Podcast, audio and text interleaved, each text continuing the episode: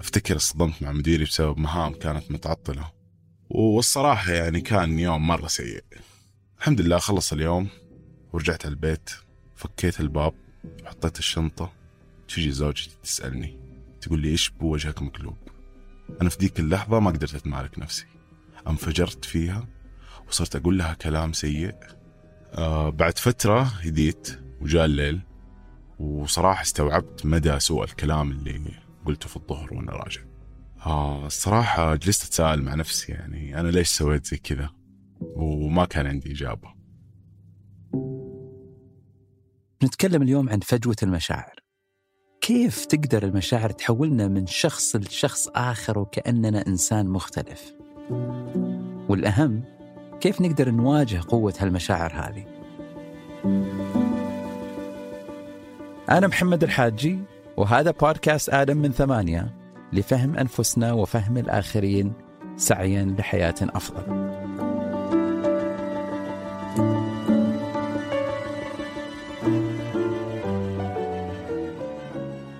من أول زمان يعني المجتمع العلمي كان يعتقد أن الإنسان هو الكائن الوحيد اللي عنده المقدرة على امتلاك المشاعر والشعور.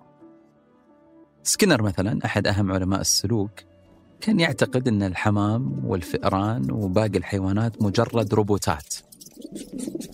يعني كائنات تستجيب بتلقائية للمحفزات والمثيرات من حولها. هذه الكائنات ما تقدر تضبط أو تفكر. يعني كل ما دق الجرس في قفص الفئران يجي الفار يضغط على الزر الخاص بالأكل وهكذا.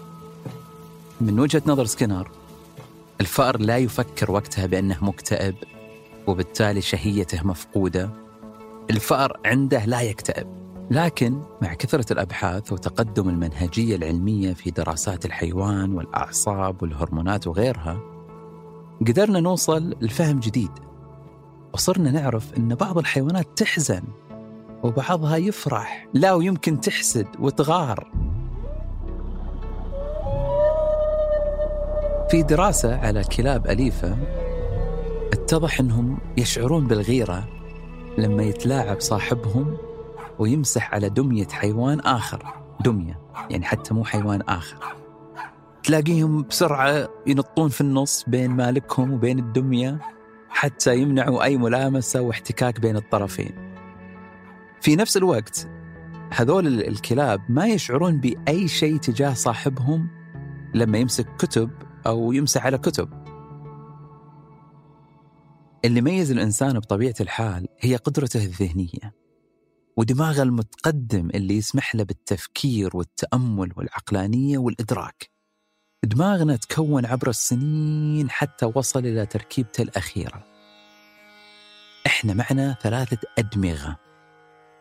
الدماغ البدائي اللي يتولى مهام النجاة الأساسية من البحث عن الأمان والسلامة والغذاء.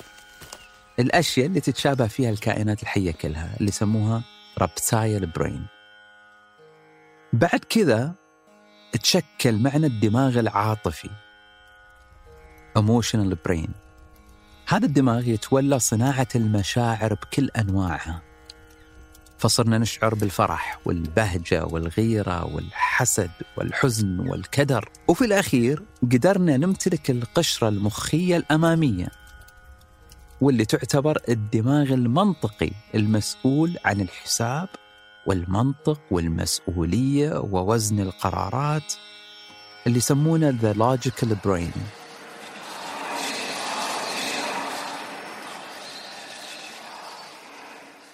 هذه الأدمغة مرتبة بشكل تسلسلي في تشريح الدماغ البشري. يعني لو تمسك دماغ بشري وتشرحه من العمق إلى الأعلى بتمر بهذه الأدمغة الثلاثة.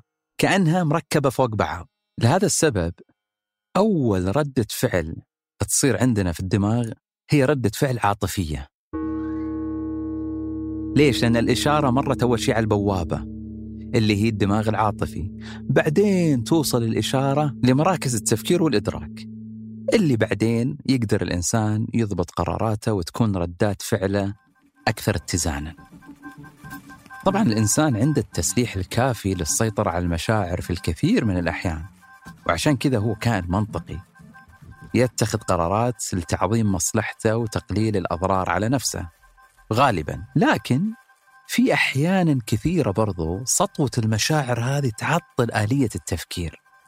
وهذا اللي ورطنا في قرارات طائشة وشوش قدرتنا على اتخاذ القرار الحكيم والمنطقي. وهذا اللي يصير في حالة الغضب مثلا. أو في حالات الهيام والعشق. نتصرف بعجل في الدماغ العاطفي قبل ما نمرر تصرفاتنا وردود أفعالنا على محكمة الدماغ المنطقي. جت سيارة كذا ورمبوري اللي شفني تراي بجي عصبني لا تقدر تستغبيني يا أخي. فقمت على طول أنا اللي بديت الهجوم قمت أتلاسم معه ترى يعرف أسوق ومدري وش. يوم قعدت لي كذا دقيقة ورافع صوتي كان يناظرني. قال خلاص معليش معليش. النظرة ذي ليتها ما نظرها. حسيتني ذاك مهبول نظرون الناس قد يكسر. تذكر ذاك اللي وانت صغير؟ لا ماني بهو. والله ماني بهو. بس إني يعني كنت أشوف أحمر بس يعني. بس ابدا ماني بهو. وهنا نشأ في أدبيات علم النفس ما يعرف بفجوة المشاعر. Hot Cold Empathy Gap. ليش اسمها فجوة؟ لأن الإنسان ما يستوعب أثر المشاعر على تصرفاته. فتصير فجوة بين الدماغ العاطفي والدماغ المنطقي. وفي فجوة بين رغبة الإنسان وسلوكه الحقيقي بين نيته وبين عمله بين أقواله وبين أفعاله. كل هذا حسب المشاعر وكثافتها ودرجتها وليس اعتمادا على المنطق والعقلانية. هذه الفجوة لها شكلين. الشكل الأول الحالة المشتعلة أو hot state. هنا الأفراد أنا وأنت نكون في حالتنا المشاعرية الصاخبة والمحتدمة. فكر في الجوع والغضب والحب والمواقف المحرجة. في هذه الحالة الناس يسووا تصرفات معينة تحت تأثير المشاعر ويظنون أن تصرفاتهم هذه سليمة وصحيحة ومنطقية. ليش؟ لأنهم يتجاهلون دور المشاعر في هاللحظات ما يقدرونها كويس. مثلا لما تروح سوبر ماركت وأنت في قمة الجوع تخيل نفسك صايم. هنا يقال عنك إنك أنت في حالة مشتعلة. فبالتالي تبدأ في التسوق المفرط وتشتري أمور كثيرة ما تحتاجها. أو تتبضع وتشتري كميات كبيرة. ليش؟ لأنك في لحظة التسوق في السوبر ماركت أنت في حالة جوع مشتعلة طارئة حجبت عنك التصور السليم للمستقبل فلذلك أول ما تشبع وتنتقل للحالة الراكدة تشوفك تسأل نفسك أنا ليش شريت كل هذا؟ يعني مثلا السعوديين قبل دخول شهر رمضان تزيد نسبة استهلاكهم للمنتجات الغذائية بنسبة 150% مقارنة ببقية الشهور. رغم أن فلسفة الصوم تقوم في الأساس على التقشف والتعالي على الرغبات والغرائز لكن مع زيادة العروض التسويقية يتراجع انضباطك حول الصرف. يعني كذا أنا كنت حاطة في بالي أول سنة أنبسطي. في الرواتب اللي تجيك كلها يعني طلع اللي في بالك. براندز تبغينها أشياء تبغينها بعدين لاحقه على الادخار. حتى كنت مسوية خطة إني أجمع عند أخوي. يعني كذا جيت قلت له والله أنا أحتاج الفلوس. أنا الحين في المحل. عرفت حطيتها عند أمر الواقع. حول لي بس اكتشفت إن حياتي كذا يعني فجأة عندي زواج أروح أشتري فستان. يلا فجأة يلا ألفين ألف إيه. فكذا اللي الحين يعني أحتاج أدفع. هذه الأمثلة المادية ممكن تشوفها بسيطة لكن في تبعات أكبر وأكثر كارثية للفجوة المشاعرية هذه. خلينا ناخذ الطلاق على سبيل المثال. في اللحظة المحتدمة من النقاش والصراع مع شريك حياتك ممكن تشعر أن قرار الطلاق هو الخيار المنطقي لأنك ما تقدر تستوعب أثر غضبك على تفكيرك فبالتالي تتهور وتأخذ قرار الطلاق بدون مسوغات معقولة. ولهذا مثلا جاءت أحكام الطلاق الثلاث في الشريعة الإسلامية حتى تعطي الطرفين فرصة للخروج من الحالة المشتعلة حتى تهدأ الأنفس وتأخذ الأمور مجراها بشكل أقل احتداما وأكثر عقلانية. أذكر هنا اللي حصل في الدنمارك قبل كم شهر لما تغيرت إجراءات الطلاق بعد ما استشعرت الحكومة الدنماركية أن عندهم واحد من أعلى نسب الطلاق عالميا. لأن إجراءات الطلاق كانت تتم فعليا عبر موقع إلكتروني وضغطات زر معدودة. يعني أشبه بخدمات أبشر معنا. وقتها طبعا مجرد ما تضغط الزر يصبح الطلاق واقع في التو واللحظة وساري قانونيا. لكن تم تدارك الموضوع عندهم وصار معهم الحين فترة انتظار ثلاثة أشهر. فيها جلسات تأهيل واستشارات أسرية حتى يلموا العائلة من جديد. كذلك في أمريكا كثير من الولايات عندهم ما يعرف بقانون الهدوء النفسي لشراء السلاح أو cool off period. لما تجي تبي تشتري سلاح لازم تنتظر الحين ثلاثة أيام عشان تستلمه. ليش؟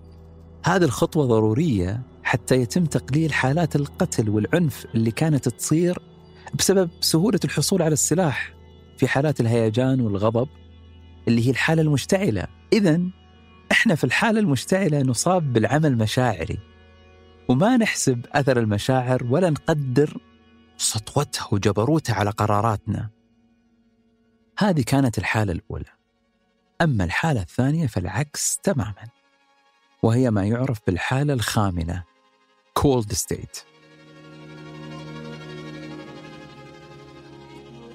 فيها يكون الإنسان في موقف راحة وركود مشاعريا هادئ مستكن في حالة استقرار. صحيح إحنا في هالحالة نكون أحرار من سطوة المشاعر وقوتها إلا أن غياب المشاعر بحد ذاته يسبب مشكلة. فمشكلة الحالة الخاملة أن الإنسان يسيء قراءة المستقبل وتلاقيه مبرد وكل شيء عنده أنه أمر الله يهون. فتشوفه ما ياخذ الاستعدادات الكافية لوقاية نفسه لما تشتعل الأمور وتحتدم بعدين. هذا الخلل والبرود في تصور المستقبل تتبع عواقب كبيرة. مثلا لما الواحد يصير بعافية وصحته طيبة يكسل ما يحرص على ممارسة الرياضة لأنه في منطقة الراحة جسديا فيعتقد بشكل خاطئ أنه بمنأى عن الأمراض وتبعات الكسل. برضو لما الواحد يكون موظف وأموره طيبة تلاقيه ما يسوي أي خطط استثمار أو ادخار مثل ذاك اللي ما يتمرن. لأنه في حياته اليومية يعيش في راحة وترف واستكنان. ذول الناس ما يتخيلون أنفسهم في أوقات مستقبلية ومواقف عصيبة. ما يتخيل أنه ممكن يجيه يوم أسود أنه ممكن تطلع قرارات تأثر على راتبه ووظيفته. وهذا اللي يعرف بخطأ التنبؤ forecasting error. هنا في مثال كويس للفجوة. تعرف لما أنت تكون متدرب على الإسعافات الأولية وغيرها لكن لما تجي اللحظة اللي المفروض تساعد فيها أحد تنشل لأنك أنت تدربت أصلا في الحالة الخاملة الحالة الباردة ما تدربت في الوضع والظرف المشتعل. فلذلك التدريب المفروض يحاكي الواقع قدر الإمكان. حتى أنت تقدر تمارس اللي تدربته في الإسعافات الأولية في اللحظات المشتعلة والعصيبة.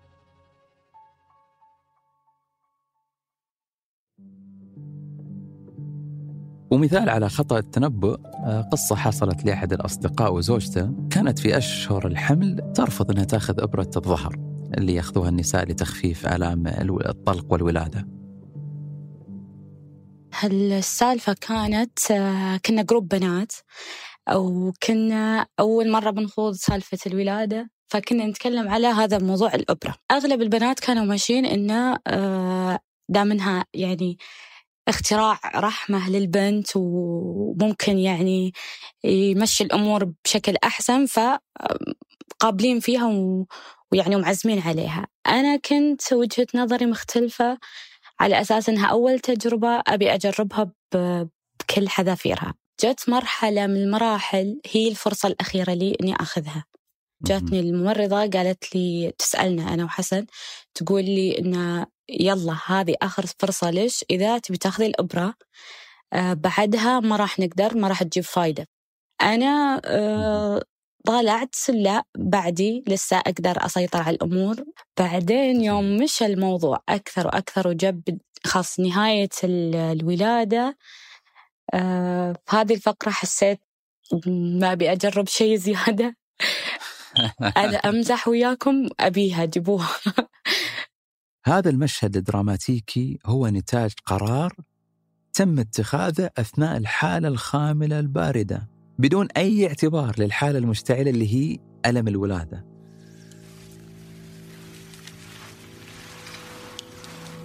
عشان نفهم أثر الحالة الخاملة والمشتعلة على قراراتنا بعض الباحثين سألوا مجموعتين من مدمني الهيروين سألوهم عن أقصى سعر مستعدين يدفعونه للحصول على جرعة مهدئة بعد خمسة أيام. اختلاف الإجابات كان مدهش. لما وجه الباحثون سؤالهم لمجموعة المدمنين اللي كانوا في حالة من الهوس والحاجة الشديدة للجرعة أي أنهم في الحالة المشتعلة الأغلبية منهم قالوا مستعدين ندفع 60 دولار للجرعة هذه اللي بعد خمسة أيام بياخذونها. لكن مجموعة المدمنين اللي تم سؤالهم مباشرة بعد حصولهم على جرعة هيروين مهدئة قالوا إنهم فقط مستعدين يدفعون 30 دولار للجرعة اللي بتجي بعد خمسة أيام. يعني عندك مجموعة مستعدة تدفع إلى 60 دولار وعندك مجموعة ثانية فقط 30 دولار. ليش الفرق هنا؟ لأن وقت السؤال كان يفرق. المجموعة الأولى كانت في حالة إدمان شديدة يبغوا الجرعة. لكن المجموعة الثانية تم سؤالهم وهم شبعانين. كانوا في حالة خاملة راكدة. ما تصوروا حالة الإدمان والحاجة الشديدة اللي بتجي بعد خمسة أيام. الإدمان كله قائم على هالفجوة. كثير مدمنين بدأوا استخدام المخدرات لأنهم كانوا في حالة هادئة راكدة. خليني أجرب هذا خليني أجرب هذا الهيروين هذا الكوكين. ما تخيلوا أثر الحالة المشتعلة حالة الإدمان اللي بتصيبهم. هذه الفجوة تمثلت بشكل دقيق في الآية الكريمة. فإذا ركبوا في الفلك دعوا الله مخلصين له الدين. فلما نجاهم إلى البر إذا هم يشركون. لاحظوا هنا السلوك المختلف. ما كان بناء على التفكير والمنطقية وحسابات الربح والخسارة والجنة والنار. لا لا لا. كان كله بناء على الحالة المشاعرية اللحظية وهنا الخطر. الإنسان يصير رهن المشاعر ومحكوم بها متأرجح بين الحالتين وكأنه إنسان مختلف مع كل حالة. ما عنده أي بوصلة ثابتة يتجه لها يعني ما عنده لا شمال ولا جنوب يمشي مع الريح. هذا الأمر مربك جدا.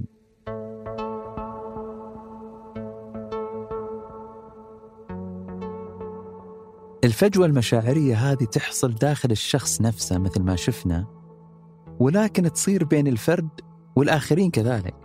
وهذا اللي يولد لنا سوء الفهم وانعدام التعاطف اللي يصير بيننا وبين البعض أحيانا. تلاقي واحد في حالة راكدة ما يستوعب إنسان آخر يعيش في مشاعر محتدمة. عشان كذا صرنا نقول النار ما تحرق إلا رجل واطيها. وعشان كذا برضو المتنبي وصف الظاهرة النفسية في بيته الشهير لا تعذو للمشتاق في أشواقه حتى يكون حشاك في أحشائه. ولكن كيف نكون في أحشائه يا متنبي؟ وكيف نشعر بالآخرين وهم في حالة مختلفة عنا؟ كيف نفهم أنفسنا وكيف نفهم بعض؟ هنا تجي مدرسة الذكاء العاطفي. هذا النوع من الذكاء ما يعتمد على مهارات الحساب واللغة والمنطق مثل معايير الذكاء المعروفة لكنه يعتمد على أربع ركائز رئيسية الأولى أنك تفهم مشاعر نفسك هل تعرف الحالة الشعورية اللي قاعد تمر فيها في اللحظة هذه؟ يعني هل أنا الحين أعيش لحظات مشتعلة ملتهبة قاعدة تعمي بصيرتي وتعطل تفكيري؟ أو هل أنا الآن في حالة راكدة خاملة مخليتني كسول وما أستعد للمستقبل؟ هل عندي وعي باللحظة؟ ممكن تعتقد أنك أعرف الناس بنفسك وأنك تقدر تتعرف على مشاعرك اللحظية لكن هذا غالبا غير صحيح حسب إحدى الدراسات ثلث المشاركين فقط قدروا يسموا ويعرفوا مشاعرهم بشكل سليم على سبيل المثال تخيل أن عندك زميل في العمل ما تطيقه بينك وبينه مشاكل مثلا أو فقط ما ترتاحون البعض هذا الزميل حضر دقيقة واحدة متأخر عن اجتماعكم. دقيقة ما أثرت حقيقة يعني على سير الاجتماع. لكن أنت تبدأ تغضب وتعصب ممكن تتحلطم لأنه تأخر على اجتماعكم. لكن لما تغوص في أعماق مشاعرك تجاه الموقف بتشوف أنه غضبك عليه مو لأنه تأخر على الاجتماع لكن لأنك ما تحبه. يمكن لأنك تحسد على ترقية حصل عليها قبلك أو على امتيازات ما أخذها عنك. هذه المعرفة بتسمية المشاعر على حقيقتها بتأثر على كيفية تعاملك مع نفسك ومع الموقف ومع الآخرين.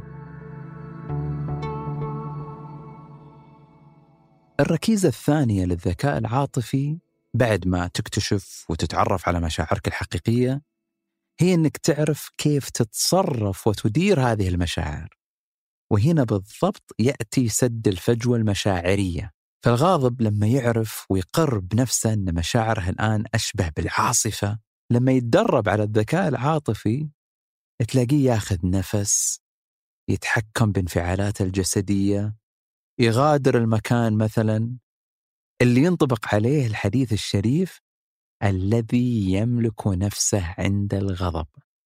هنا لاحظنا أن ملك نفسه وتصرفاته وما ترك للغضب مساحة أنه يسيطر عليه.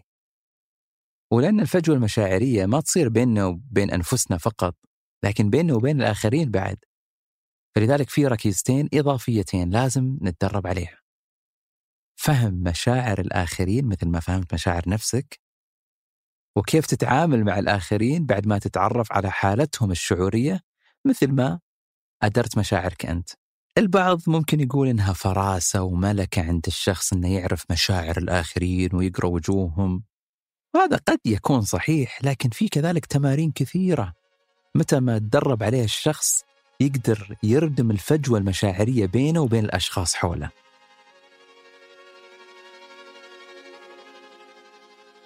الحديث عن فهم المشاعر وإدارتها مو خاطرة أدبية أو مكارم أخلاق بل هي مفتاح لنجاح الفرد في حياته في دراسته في وظيفته في بناء رأس ماله الاجتماعي وعلاقاته مع الناس في تحقيق الصفاء العائلي والسلام الداخلي كذلك. فعلى سبيل المثال الطلاب اللي يحققون درجات عالية في مقياس الذكاء العاطفي عندهم مستويات أكاديمية أفضل في المدرسة أو الجامعة. لأن في الحالة الباردة في بداية الفصل الدراسي مثلا هو واعي بالحالة الخاملة والراكدة اللي هو فيها. فاهم مشاعر. ولكن يعي تماما أن هناك لحظة مشتعلة قادمة ستأتي اللي هي الاختبارات. فتجده يحضر ويشتغل على نفسه في الحالة الخاملة والراكدة مثل اللي يستثمر وهو عنده وظيفة أو مثل اللي يتدرب وصحته كويسة لكن حاسبين اللحظات المشتعلة مستقبلا. في الجانب المهني الذكاء العاطفي يفسر نجاح الكثير من أصحاب الوظائف والمناصب الجيدة.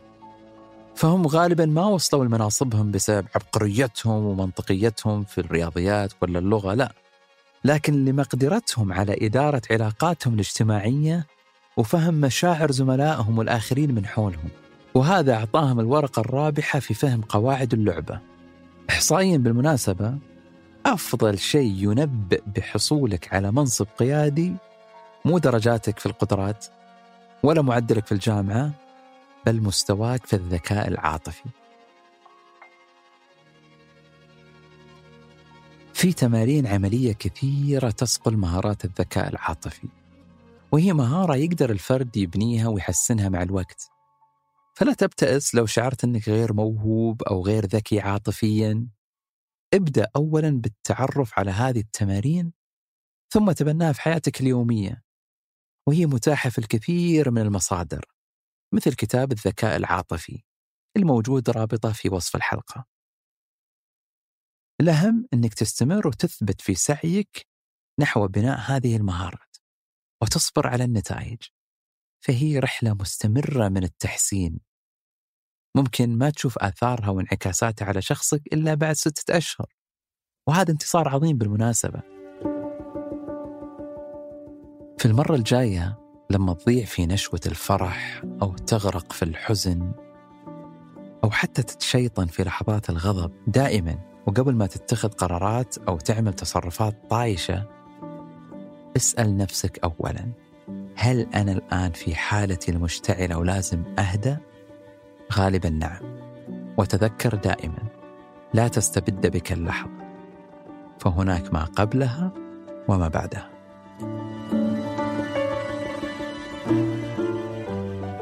أنتج هذه الحلقة أنا محمد الحاجي وفارس الفرزان. حررها محمود أبو ندى وهندس تسجيلاتها محمد الحسن. وصنع موسيقاها عيسى نجم. وأشرف على إنتاجها سحر سليمان وأسيل باع عبد الله وشكرا لمن شاركونا قصصهم. لو بالكم ملاحظات أو حابين تقترحون مواضيع للحلقات القادمة راسلونا على بريد البرنامج ثمانية دوت كوم